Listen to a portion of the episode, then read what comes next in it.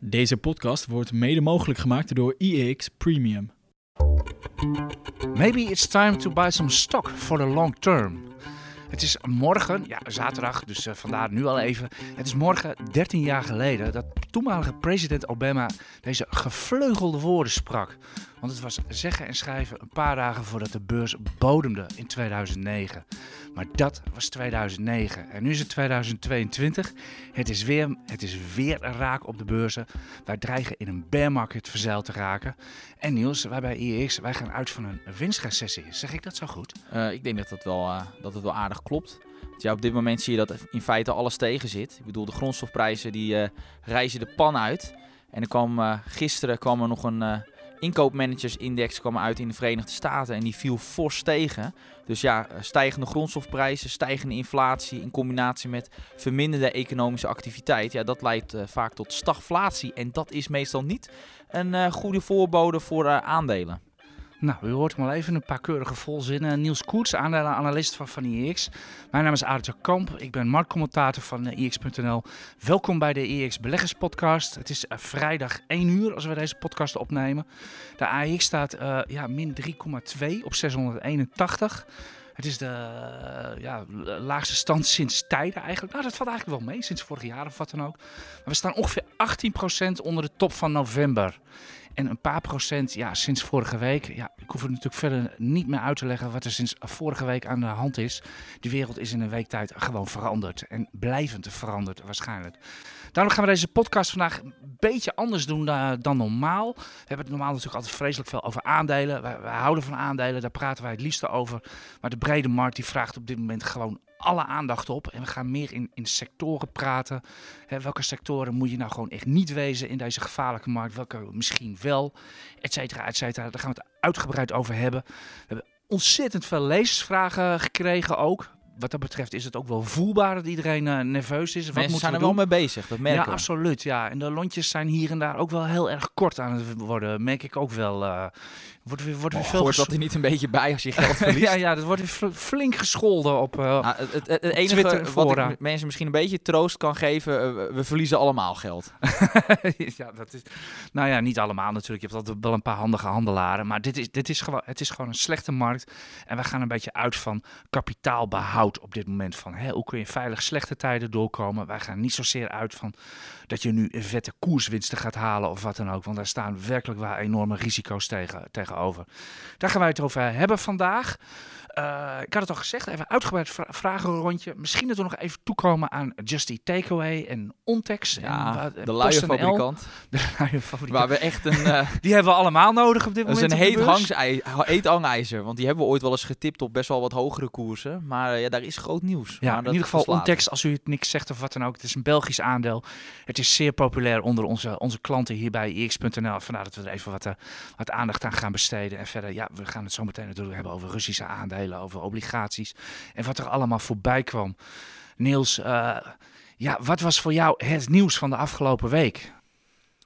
Oh, heb je even? ja, heb je um, even. Ja, goed, dat hele verhaal Oekraïne-Rusland. en met name dat, dat Rusland van dat uh, internationale betalingsverkeer wordt afgehaald. Dat is wel echt fors. Dat had ik eerlijk gezegd.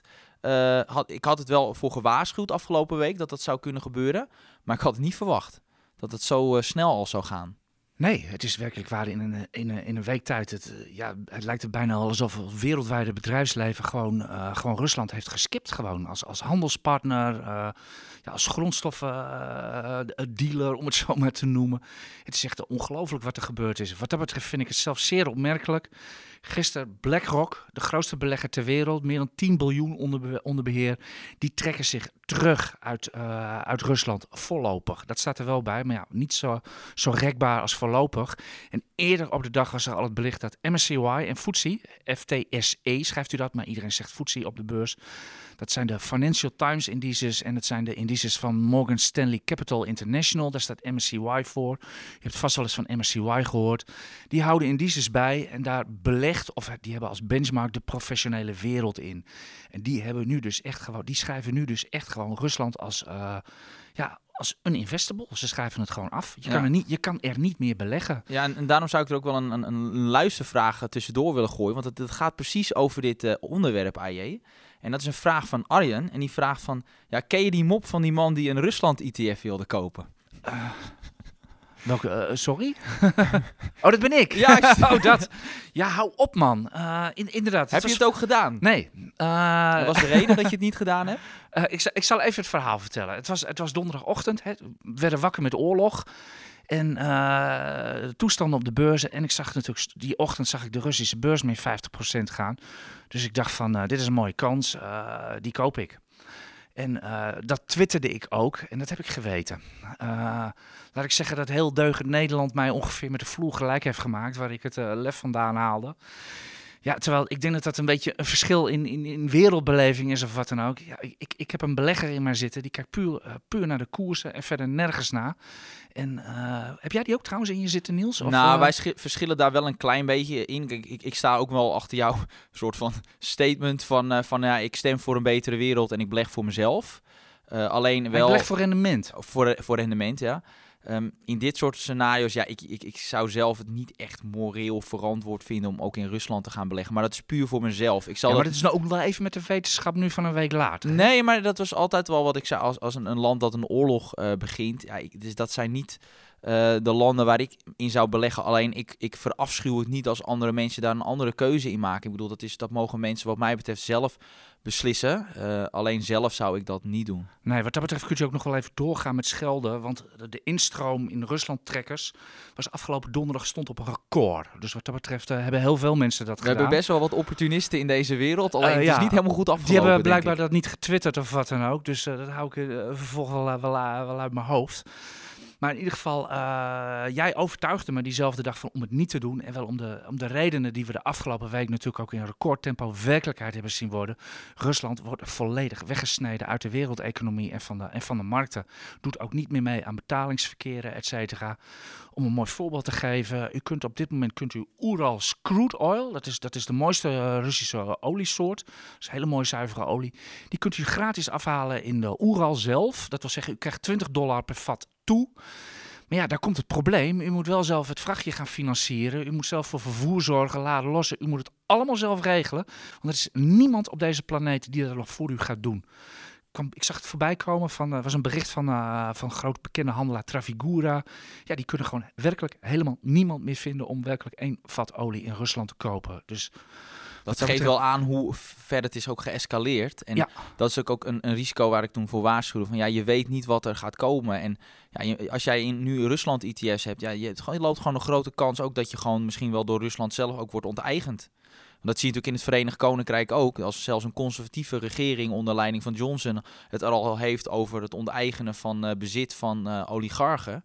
Dat is nogal wat. Ja, dat, eh, dat was wat dat betreft van de week. Ik ben de ene verbazing in de andere. Inderdaad, de conservatieve regering die erover spreekt om, om de lavish eh, panden van de Russische oligarchen in Londen te confisceren. Om daar eens vluchtelingen in te plaatsen. Ik bedoel, eh, dat is bijna een oorlogsverklaring. En eh, van de week was ik ook verbijsterd door het bericht van dat er een werkgroep in de Europese Unie die stelt voor om wapenaandelen om die ESG te gaan noemen. Nou, had Dus ik twee weken maar- geleden zeg- geen rekening Dus mee zeg maar anderhalve week geleden was wapenaandelen hier nog uit den boze, hier in, eh, hier, in, hier in de Europese Unie. Je kan ze bij verschillende brokers, kan u ze niet eens krijgen.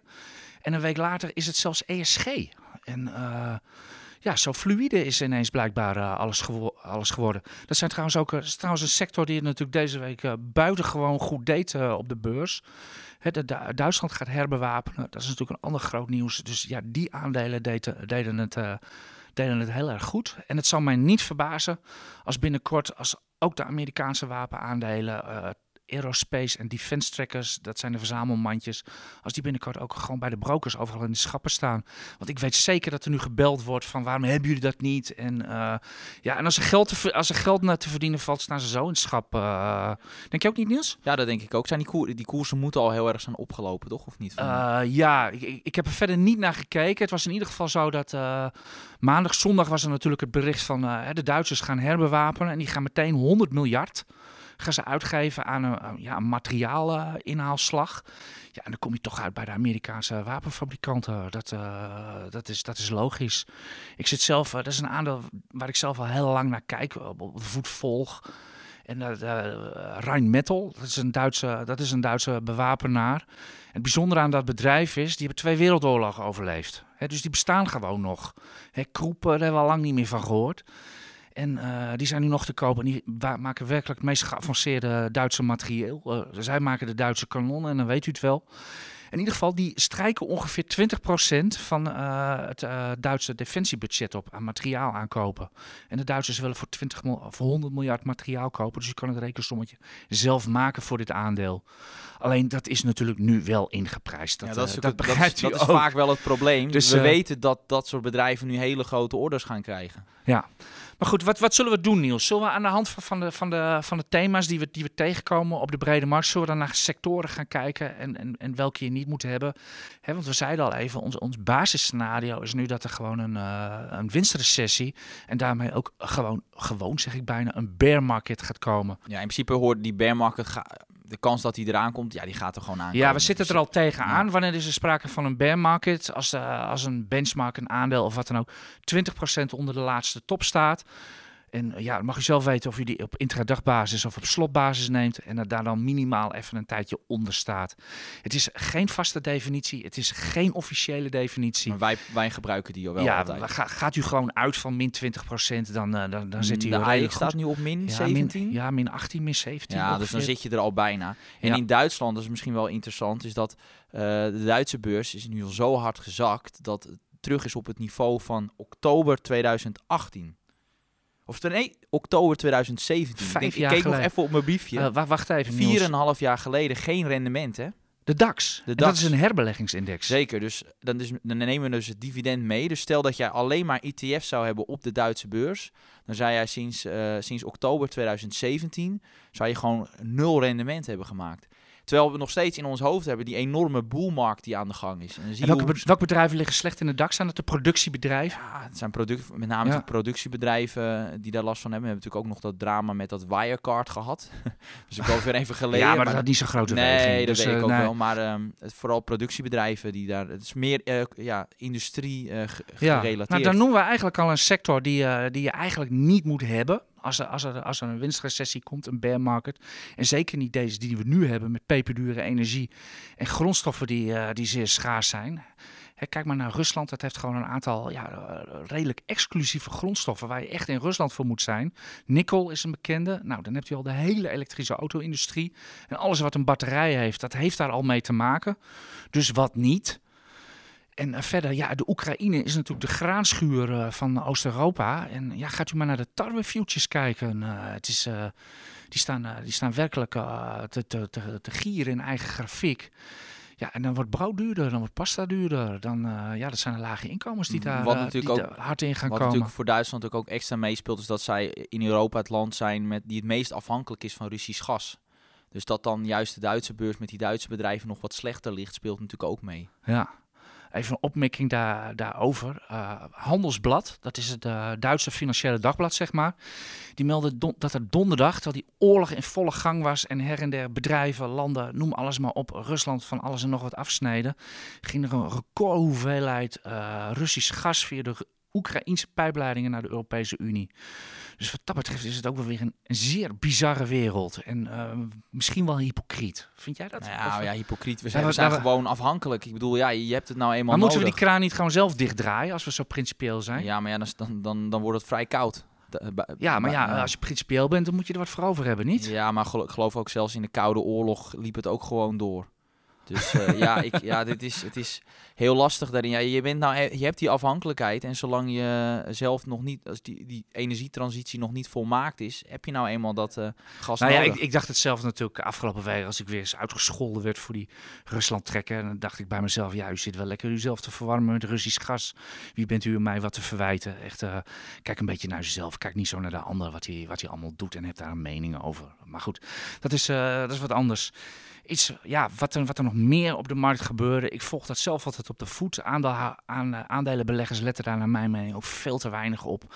Dat is de, dat is de rentemarkt, de obligatiemarkt. Er is wel wat gebeurd, hè, dinsdag. Ja, we zagen eh, 21 basispunten in de Bund gingen er dinsdag aan. Dat is een record.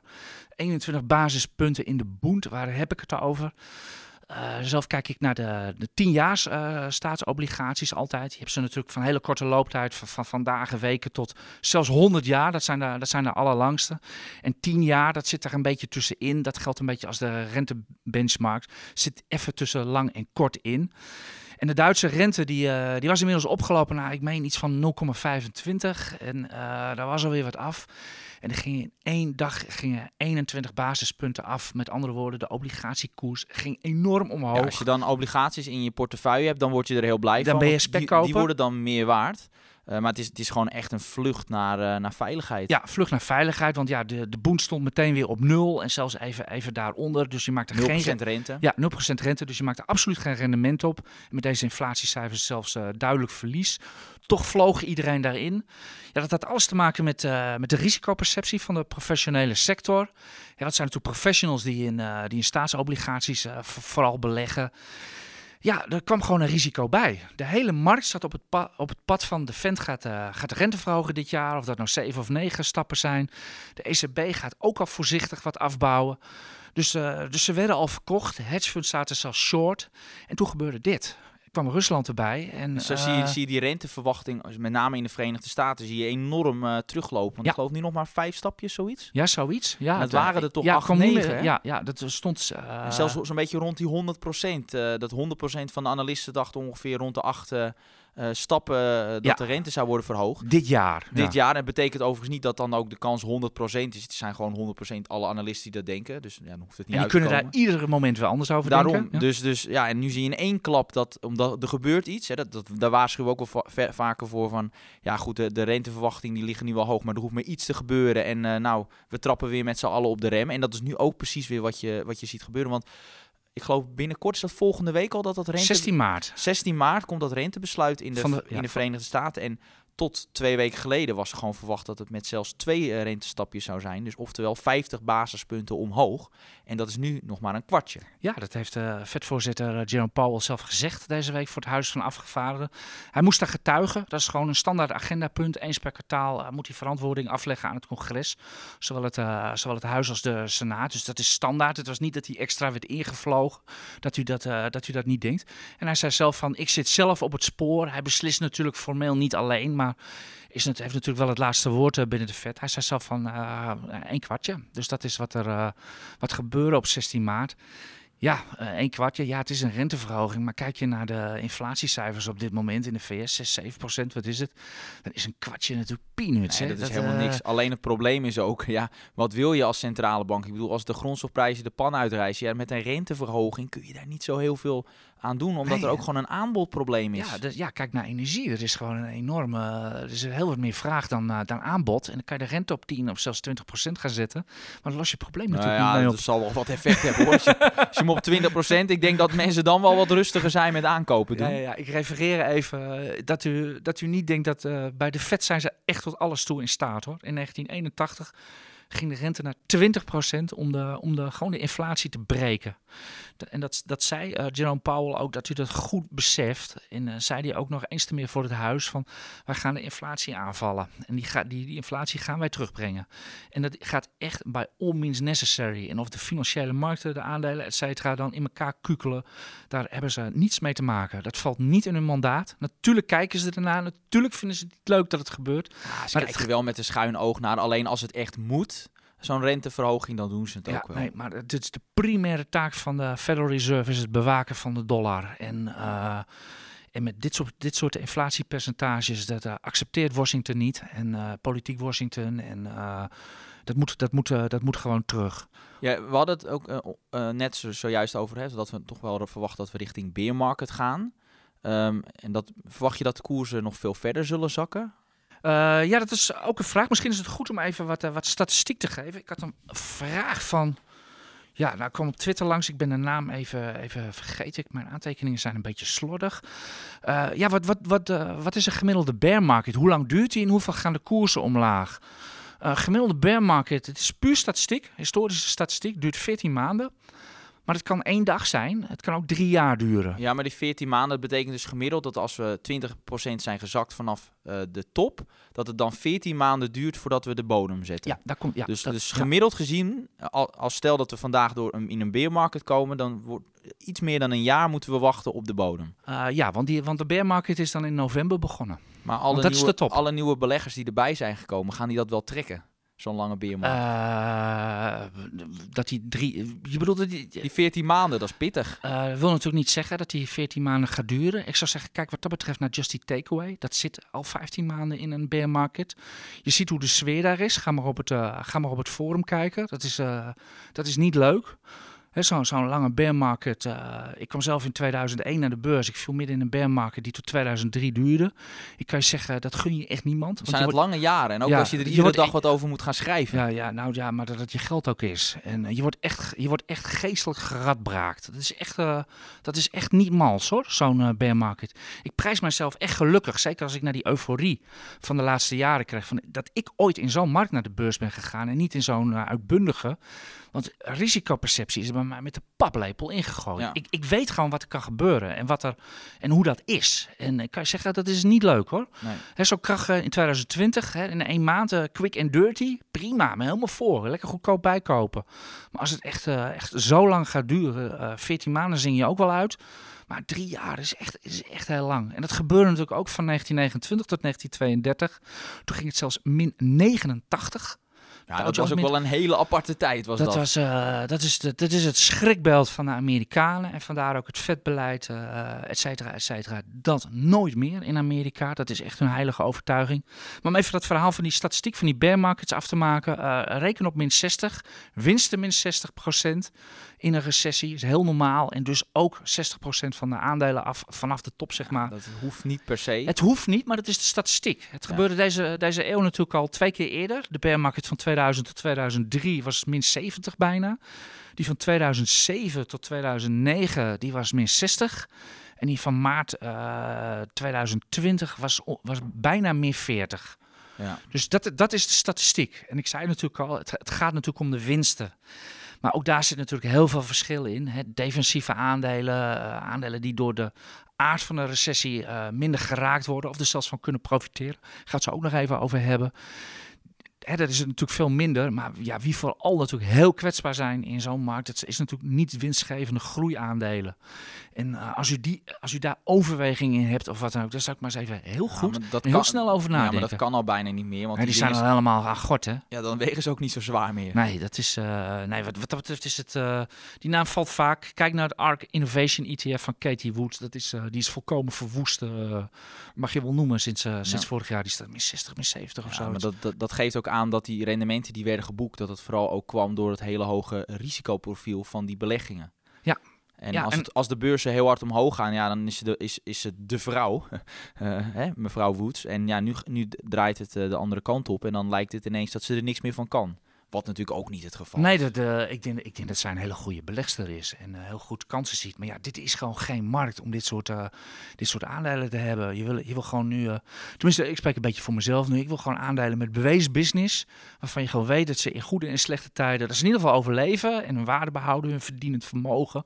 Hè, zodat als de goede tijden weer aanbreken, ze weer de, de kaststromen weer binnen Voordat we die aandelen gaan noemen, zullen we dan gewoon eerst beginnen met de, de luistervragen? Ja, zullen we dat doen? een teaser. Oké, nou, dus is goed. Beginnen we daar een beetje mee.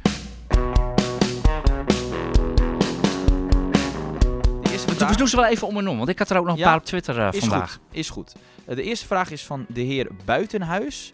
Hoi Arend, Jan en Niels. Misschien is het een idee om OCI in de podcast mee te nemen. Rusland is namelijk een grote exporteur van kunstmest en die worden nu gesanctioneerd door het Westen. Biedt dit kansen voor OCI? Ik, ja, ik ga Ik denk de vraag stellen is een beantwoorden. Ja. Beantwoord jij hem dan maar. Nou ja, dat heb ik dus nu al gedaan. Dat, eh, ja, in principe, ja, dat zijn grote kansen. Maar je moet natuurlijk niet vergeten dat, eh, OCI natuurlijk super cyclisch is. En dat geldt eigenlijk voor alle aandelen die we zo meteen gaan noemen, ook de kanshebbers. Als de brede markt omlaag gaat, als mensen hun indextrekkers gaan verkopen, et cetera, gaat alles omlaag. Ja. Maar Nee, maar- het is dan hooguit dat je minder omlaag gaat. Niels, ik zal ze nooit vergeten. Ik, ik noemde net die bear market, hè, 2000, 2003. Had je op borrels, had je, had je fondsmanagers, die stonden daar gewoon breed te shine, et cetera. Want ze waren min 20 en de benchmark was min 25. Ja, maar dan, dus ze hadden het dan goed gedaan. Gewoon goed gedaan. Daar kan je niks anders zeggen. Alleen z- zijn klanten zullen er anders over denken.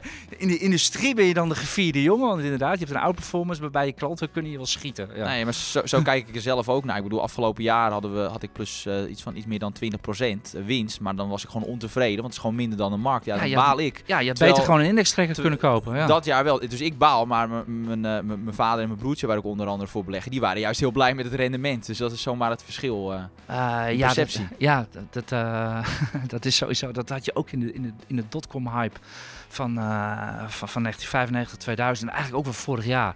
Mensen hele, gewoon alleen maar naar hun eigen rendement kijken en er nergens meer tegen afzetten of wat dan ook. En ja, je moet toch altijd, eh, je moet, je moet altijd wat je zelf doet, moet je afzetten tegen, tegen een benchmark. Want heeft het zin wat je aan het doen bent, toch? Ja. Ja, Ja, en gaan, ik- ik gaan we wel eens, ja, jij hebt daar methodiek voor. Daar gaan we, maar dat is denk ik Ja, beter om daar een andere keer over te hebben. eigenlijk een keer met een YouTube filmpje. Hebben we ooit wel eens beloofd. Gewoon niet gedaan.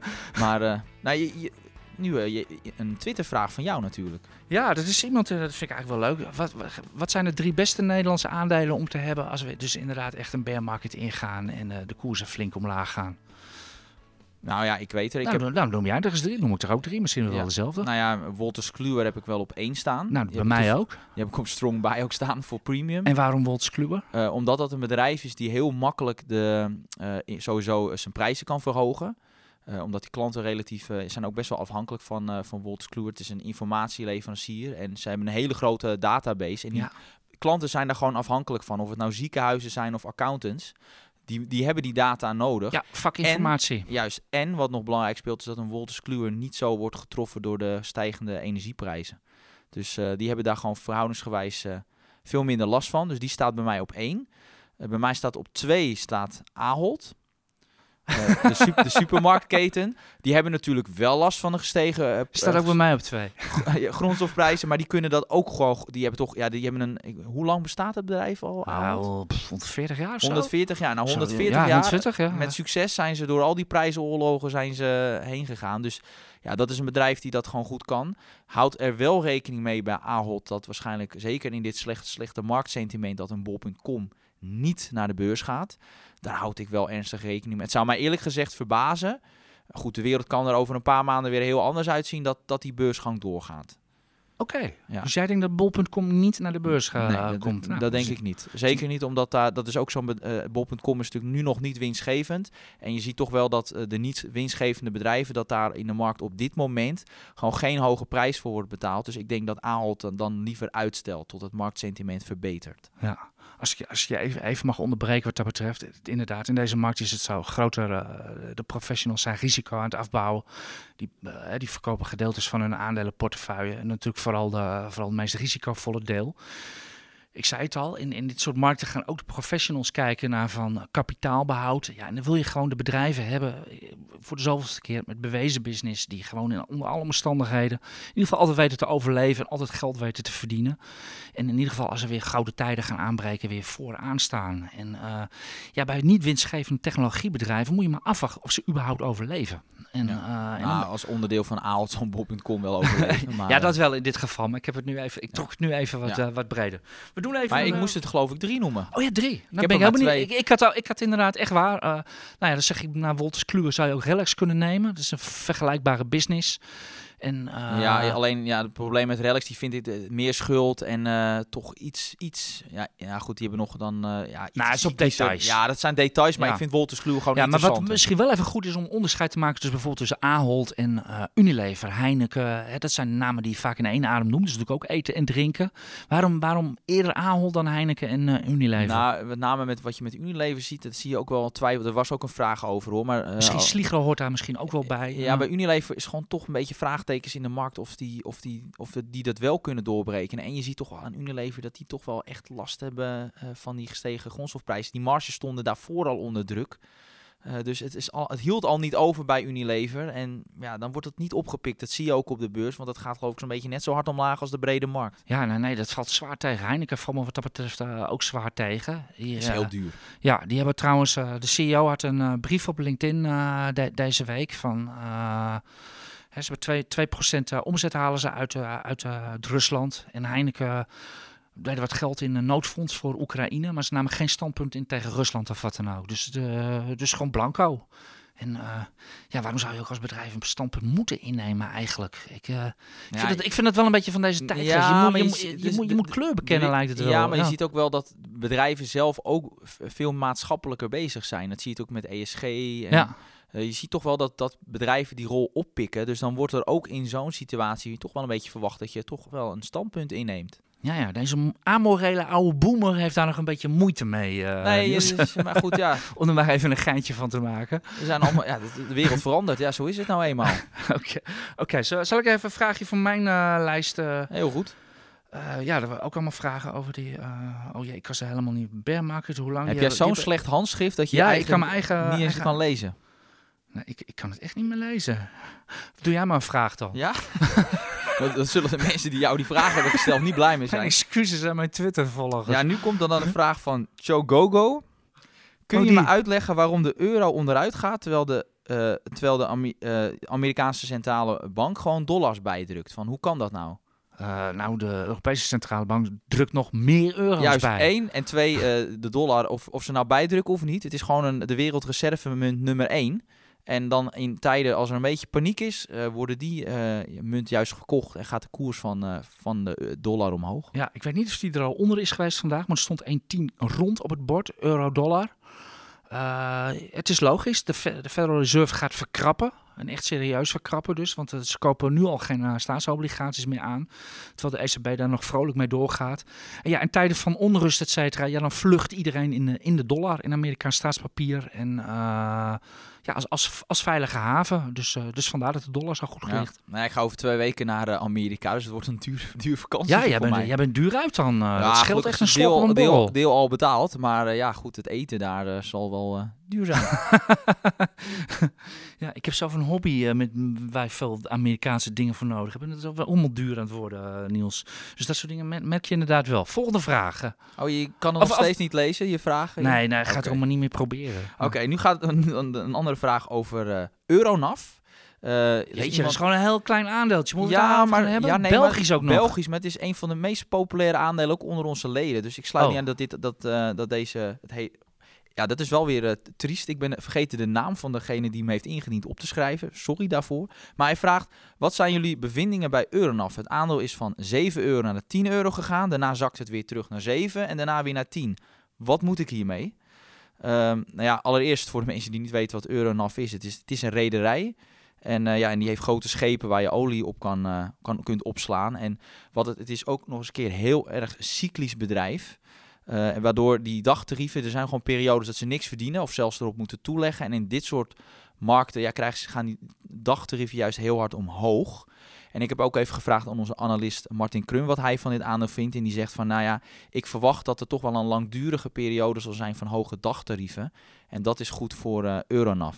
Oh, eh, onze regisseur, dank u wel. De vraag was van Jeffrey. Dus eh, dat probleem ook wel op. ja, Koen Grutters, hij, eh, hij monteert helemaal deze podcast, zodat het allemaal eh, smooth bij u uit, de uit de koptelefoon maar nog terug, speakers eh, inderdaad, komt. terugkomend op Euronav, het, het aandeel is zo ongelooflijk volatiel. Net zoals die, die, die vrachtprijzen of die, die, die prijzen die, die ze verdienen. Dus ja, daarom is het gewoon heel populair. Alleen, ja, we zijn er als desk. Ja, wat we er echt van vinden, dat kunt u op de site lezen. Maar we Ja. zijn op zich wel redelijk positief. Oké, even aanvulling daarop. Eh u denkt eh, vrachtvervoer over zee. Natuurlijk Maersk vaart natuurlijk intussen ook niet meer op, eh, op Rusland. U denkt misschien aan de Baltic Dry Index. Daar kan u de ruwe vrachtprijzen over zee aan aflezen. Dat is een hele aparte index. Is dat. Die, die, tikt één keer per dag. Dat is echt letterlijk handjeklap tussen de grote rederijen. Er worden vrachtprijzen per dag worden vastgesteld. En die, die is inderdaad super volatiel. Dat is keiharde mm, eh, eh, markt van vraag en aanbod is dat, dat, dat, zeevervoer. Maar het is niet alleen het aanbod van vracht wat de prijzen be- bepaalt. En daar gaat iedereen altijd mee de mist in als ze de Baltic Dry Index aflezen. Het is ook heel erg afhankelijk van hoeveel scheepsruimte er in de aanbieding is. Is er heel veel scheepsruimte, dan is de prijs natuurlijk laag. En is er weinig, dan zijn de prijzen hoog. En is misschien nog wel belangrijker dan de hoeveelheid vracht in de aanbieding is. Dus kijk even heel erg uit met die Baltic Dry Index, dat je daar niet te dat- snel conclusies aan verbindt. Dat, daar letten we als eh, beleggersdesk ook heel erg Ja, op. oké, maar ik, ik zie hem nog vaak, zijn. vaak tegenkomen in de media of wat dan ook. En altijd vergeten ze dit aspect van het verhaal. En dan trek je verkeerde conclusies. Nee, dat klopt. Oké, Wat waren ze? dat, waren, dat waren de vragen. Ik, ik kijk toch nog even op mijn papiertje. Of ik toch nog, Nog iets een wil- dappere poging wagen. Ja, nee, wat heb ik hier nou van gemaakt, joh? Ja. Ik schaam mij diep met mijn haren. Voor de volgende keer. nee, maar eh, weet je, het waren allemaal wel een beetje vragen van, eh, zoals we eh, eigenlijk al een beetje besproken hebben. Welke sectoren moeten we hebben, welke niet? En ik denk dat we daar nog een beetje op moeten, moeten Ja. voorbo- voorborduren. Als we Ik, ik, ram, ik ram het er gewoon Ja. even in één zin uit. Sectoren die je gewoon niet moet hebben in, in, in, in deze markt. Kom- Komt er een winstrecessie, komt er een bear market. Dat zijn productiebedrijven. Hè, jij noemde de DAX al even met de VW's van deze wereld. Die wil je even niet hebben. Overigens van de autofabrikanten heeft Renault het meeste exposure naar Rusland toe. Een derde van de markt daar, Dacia. Gaat u maar niet kijken bij eh, Renault. Het is echt een ramp, eh, dat aandeel. Is productiebedrijven moet u, moet u niet hebben. Wie je ook niet wil hebben zijn banken en verzekeraars. En dat is eigenlijk altijd zo als er herrie en toestanden in de wereld zijn. Niels, waarom moet je geen banken hebben in deze markt? Nou ja, vooral het besmettingsgevaar. eh, kijk, op het moment dat, dat je een recessie kom- komt, gaan natuurlijk ook bedrijven failliet. Eh eh, kom misschien mensen die problemen krijgen met hun huis aflossen. Ja, eh, dan zijn banken wel degene die daar de klappen opvangen. En wat ook meespeelt, als er dus, eh, als er dus zoals wat er nu gebeurt, is er ook gewoon een grote kans dat uiteindelijk de eh, Europese Centrale Bank of, dat, eh, de, of de toezichthouders, dat die zeggen van nou, ehm, banken mogen even geen dividend uitkeren. De toes- Europese toezichthouder, die, hoe heet die ook alweer die dat zegt? Eh, is, is, is Mea of zo? Of, eh, Ja, in ieder geval de Ja. Nou ja, uiteindelijk gaat de, gaat, de, gaat de ECB daar natuurlijk over. Eh, nee, banken. eh, ja, we hebben natuurlijk, u zit natuurlijk ook naar uw ING's te kijken. Ik heb ze zelf ook, eh, ING. eh dus leuk er wel even vanaf op dit moment. Ehm, die hadden vandaag een update.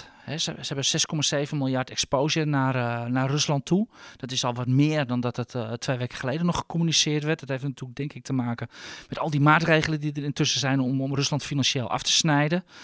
Eh, kijk je naar de balans, dan stelt het niet zoveel voor. Kijk je naar de market cap van ING, ik denk krap 40 miljard of wat dan ook. Is dit een slok op een borrel? meer dan een slok op een borrel. Dus, ja, we zijn ook eh, van 15 euro naar onder een tientje gegaan. Ik geloof Ja. 9 euro nu. Dat is wel, ja, het zit ook, dat is het lastige. Het is natuurlijk al behoorlijk wat ingeprijsd. Ja, daarom verkoop ik ook niet meer. Ik bedoel, dat is, eh, misschien gaat het nog veel lager hoor. Dat, dat kan. Als er inderdaad Russische banken gaan omvallen en ze gaan eh, westerse meetrekken.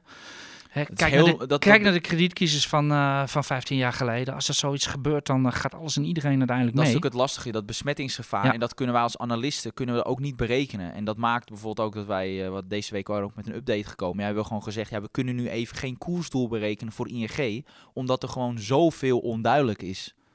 Ja, ja, en ze zitten gewoon met die exposure naar Rusland toe. Unicredit en Socien zijn de twee andere banken die veel exposure hebben naar, eh, naar Rusland toe. Socien, Societe Generale, had vandaag ook een update. En die hinten al een beetje op het, eh, op het dividend. Dat, het, dat ze misschien zelf, zelf wat gaan doen. Of dat er een maand. Ze hopen natuurlijk, de banken hopen natuurlijk dat de ECB het voor ze gaat verbieden. Zodat ze zelf die verschrikkelijk impopulaire maatregel niet hoeven te nemen. Maar dat is, eh dat is vooralsnog Maar even de, afkijken. De ECB doet dat ook, hè, dat, dat alle banken dus dan geen dividend mogen uitkeren als ze die maatregel nemen. Da- Ook om te voorkomen dat, dat het te duidelijk wordt wat de zwakke broeders zijn in de, in de sector. ja, Jazeker. En, eh, En eh, ja, jij bent specialist in verzekeraar. Ik krijg veel vragen deze week, Niels. Van hoe kan het nou AZR en, en NML helemaal geen exposure naar Rusland? Waarom gaan ze zo hard Nee, maar zij beleggen zelf ook. En als dan, eh, als dan de koersen hard zakken, hebben zij er ook last van. Ja, verzekeringspremies worden belegd. Ja. Daarom. En wat voor NN ook meespeelt, is nog die Woekerpolis-affaire. Daar gaat, komt voor mij ook als het goed is. hebt vanmiddag een stukje daarover. Nou, nog, ik, misschien of vandaag of maandag komt dat online. En daar, ja, zal toch wel uit. jij ziet nog een risico. Ja, zeker voor NN. oh, dus, dus, hou, eh, die, eh, hou even onze site Dat gaat de- ook gevolgen hebben voor het koersdoel. Dat durf ik wel al te verklappen. Nou, je maakt het, je maakt het spannend. Uh, wat, wat zijn sectoren die je wel wil hebben? We noemden al even eten en drinken. Als, als u trekkers wil hebben, dan denk ik dat u naar uh, food and beverages moet kijken. Et cetera. Daar zitten dat soort, daar zitten dat soort bedrijven in. Ja, we noemden ze al even. Uh, ja, Market makers, hè, de, de flow traders, Virtus van deze wereld, die doen het wel goed. Uh, ja, volatiliteit. Het is hectisch. Ik vind overigens flow traders echt tegenvallen, de koers. Ja, maar dat komt ook omdat de bedrijfsprestaties gewoon tegenvielen. Met name de marges in, uh, in Amerika, die zijn gewoon onder de maat.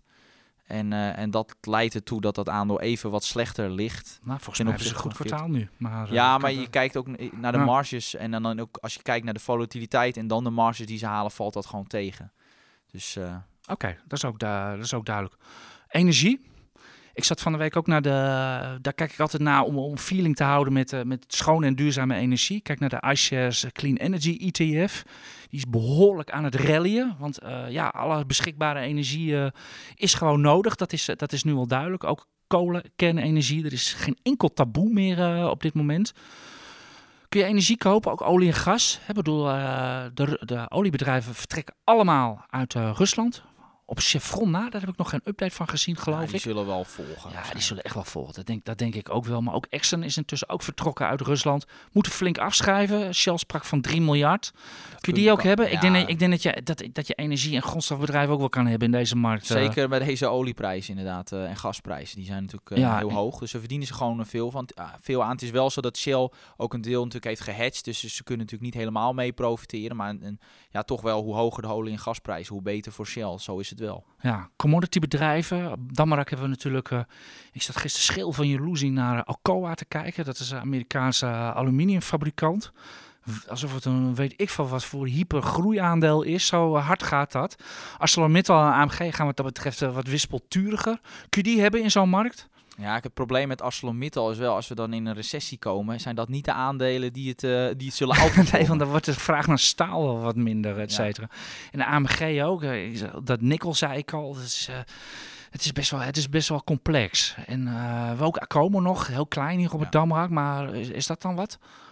Ja, heb ik onvoldoende verstand van. Ja, ik, ik, moet eerlijk zeggen, ik, ik eigenlijk ook wel. Dat, uh, ja, kan, of je echt in harde grondstoffen moet gaan zitten in de futures, ik denk niet dat dat een belegging is of wat Ja, future producten zou sowieso iedere particulier kan ik dat niet aanbevelen, nee. want dat is gewoon specialistisch en dan moet je echt kennis van zaken hebben om daarin te gaan uh, beleggen. Zeker omdat als jij daar langer in zit, dat die doorrolkosten van die future contracten ja. is gewoon zo ongelooflijk duur dat ik, ik ben nog geen enkele particuliere belegger tegengekomen die daar op lange termijn geld mee heeft. Nee, dat geldt ook voor dingen als, als de fix. En, uh, maar ook die gasfuture natuurlijk, die uh, ongelooflijk staat te loeien. Ik denk, uh, hetzelfde geldt bij ArcelorMittal, geldt denk ik ook voor grondstofbedrijven als Rio Tinto. Die staan in Engeland genoteerd, Glencore, BHP, dat soort bedrijven. Ja, dat is allemaal heel leuk, maar als het een recessie wordt, wordt het daar natuurlijk ook gewoon minder. En ja, ik denk dat we zo tijd over ja, voor de aandeeltjes. Verder, ja, en verder zijn er nog gewoon wat, wat individuele bedrijven die hier gewoon, uh, ja, bijvoorbeeld Vopak zit al een jaar in een bear market en dan komt er dit voorbij en dan hebben ze mazzel. Ja, ze hebben mazzel, en, uh, want de eh, bedrijfsprestaties voor dit waren echt heel erg matig. Ja, vrij hopeloos. En dan ik heb dat aandeel, aantal, um, denk ik een jaartje geanalyseerd en ik, ik vond gewoon niks. Ja, maar goed, de LNG-opslag komt nu naar je toe. Ja, nu wel. ja, dus die, ja, die kan u misschien hebben. En uh, volgens mij hebben ze al wel een beetje kanshebbers en uh, bedreigden gehad, uh, Niels. Ja, en nu nog denk ik en nu nog even een paar bedrijven. Voor iedereen die het in zijn broek doet, gaan we nog even naar Ontex kijken. Ja, Ontex, ja, wat een mooie overgang. Sorry, je flapt er zo uit. nou ja, dat, dat was natuurlijk wel nieuws. We hadden, zagen gisteren de koers met zo'n beetje 20% oplopen. Ja, er zijn gewoon overnamegeruchten. En wat ik zelf wel een beetje vermoed is dat er ook een overnamestrijd gaat komen. Het, het aandeel is uh, gekelderd. En niet zo'n klein beetje ook, want het is een, uh, ja, een luier producent. En uh, zij, ze opereren tegen hele lage marges. Nou, als je opereert tegen hele lage marges, wat wil je dan precies niet? En zeker niet als kleine speler. Dat de prijzen de pan uitgieren. Nou, dat is dus gebeurd. Dus marges nog veel verder omlaag. Het aandeel noteerde voordat dat die geruchten kwamen op een, tegen een market cap van een half miljard met een, terwijl ze een omzet van 2 miljard maken. Nou, dan ondergewaardeerd dus. ondergewaardeerd en dan zien bepaalde partijen kansen. Nou, er zijn geruchten dat GBL, die zijn op dit moment groot aandeelhouder met 20% interesse heeft. ja, wat is, wat is GBL? Ja, Groep Lambert Brussel? Ja, dat is een investeringsmaatschappij, goed Ja. dat je het zegt. Die kunnen, die kunnen heel goed rekenen, ja, toch? die kunnen goed rekenen. Eh, ja. Private equity zou interesse hebben en Die ook kunnen ook goed rekenen. En branchegenoten. Want die zien natuurlijk wel van, nou, voor schaalgrootte kunnen ze daarmee gaan eh, bereiken. Dus ik vermoed dat daar verschillende partijen zijn die wel eens tegen elkaar gaan overbieden. En ja, dat is natuurlijk de, de grote vraag, tegen welke koers gaat het van de beurs gehaald worden? Dat weet ik natuurlijk niet zeker. Ik, als ik een schatting zou moeten maken, met wat ik nu gelezen heb, zou je een beetje tussen de 9 en 10 euro moeten kijken. En het staat nu iets van 6,80. Dus. Oké, dus er zit nog wel wat eh, upside in. Ja, ik zou ze zeker niet verkopen op dit soort geruchten. Want er zijn, het geeft gewoon aan dat mensen met verstand, dus partijen die goed kunnen rekenen, interesse hebben. Dus dat is meestal niet een signaal om te verkopen. Oké. Houden we nog één naam over. En Dat is denk ik ook waar we mee moeten, moeten afsluiten, eh, Niels. Ik kijk eh, afgelopen eh, woensdag op het slot. Keek ik naar de beurzen van, nou, een week geleden is die oorlog begonnen. Welk aandeel heeft het het beste gedaan in de afgelopen week? En dat was Just Eat Takeaway. En toen kwam donderdag en toen was dat, kon dat, ging het verhaal niet meer op. Vertel het verhaal. Nou, min 12% zonder nieuws. Ik kon niks vinden. Waren er wel cijfers woensdag? Ja, maar ja, omdat ik kan me niet voorstellen dat er gevolg daarop is. Het is Nee, nee, gewoon- nee. Die, die cijfers ook. We hadden natuurlijk de omzet. eh Just Eat Takeaway doet het altijd in twee keer. Eh, twee we- weekje, twee weken in een nieuw kwartaal krijgen we de omzetcijfers al door. Ja, dat is eigenlijk wat we eigenlijk willen weten van Just Eat Takeaway. Nou, De- ook wel die, die, die marges ja, inmiddels willen we meer weten. Ja, inmiddels willen we wel meer weten. En wat dat betreft heeft denk ik Just Eat Takeaway ook wel naar de markt geluisterd. Want de term winstgevendheid kwam vaak voor in het eh, persbericht. Dus eh, dat was wel een beetje het, het hete hangijzer.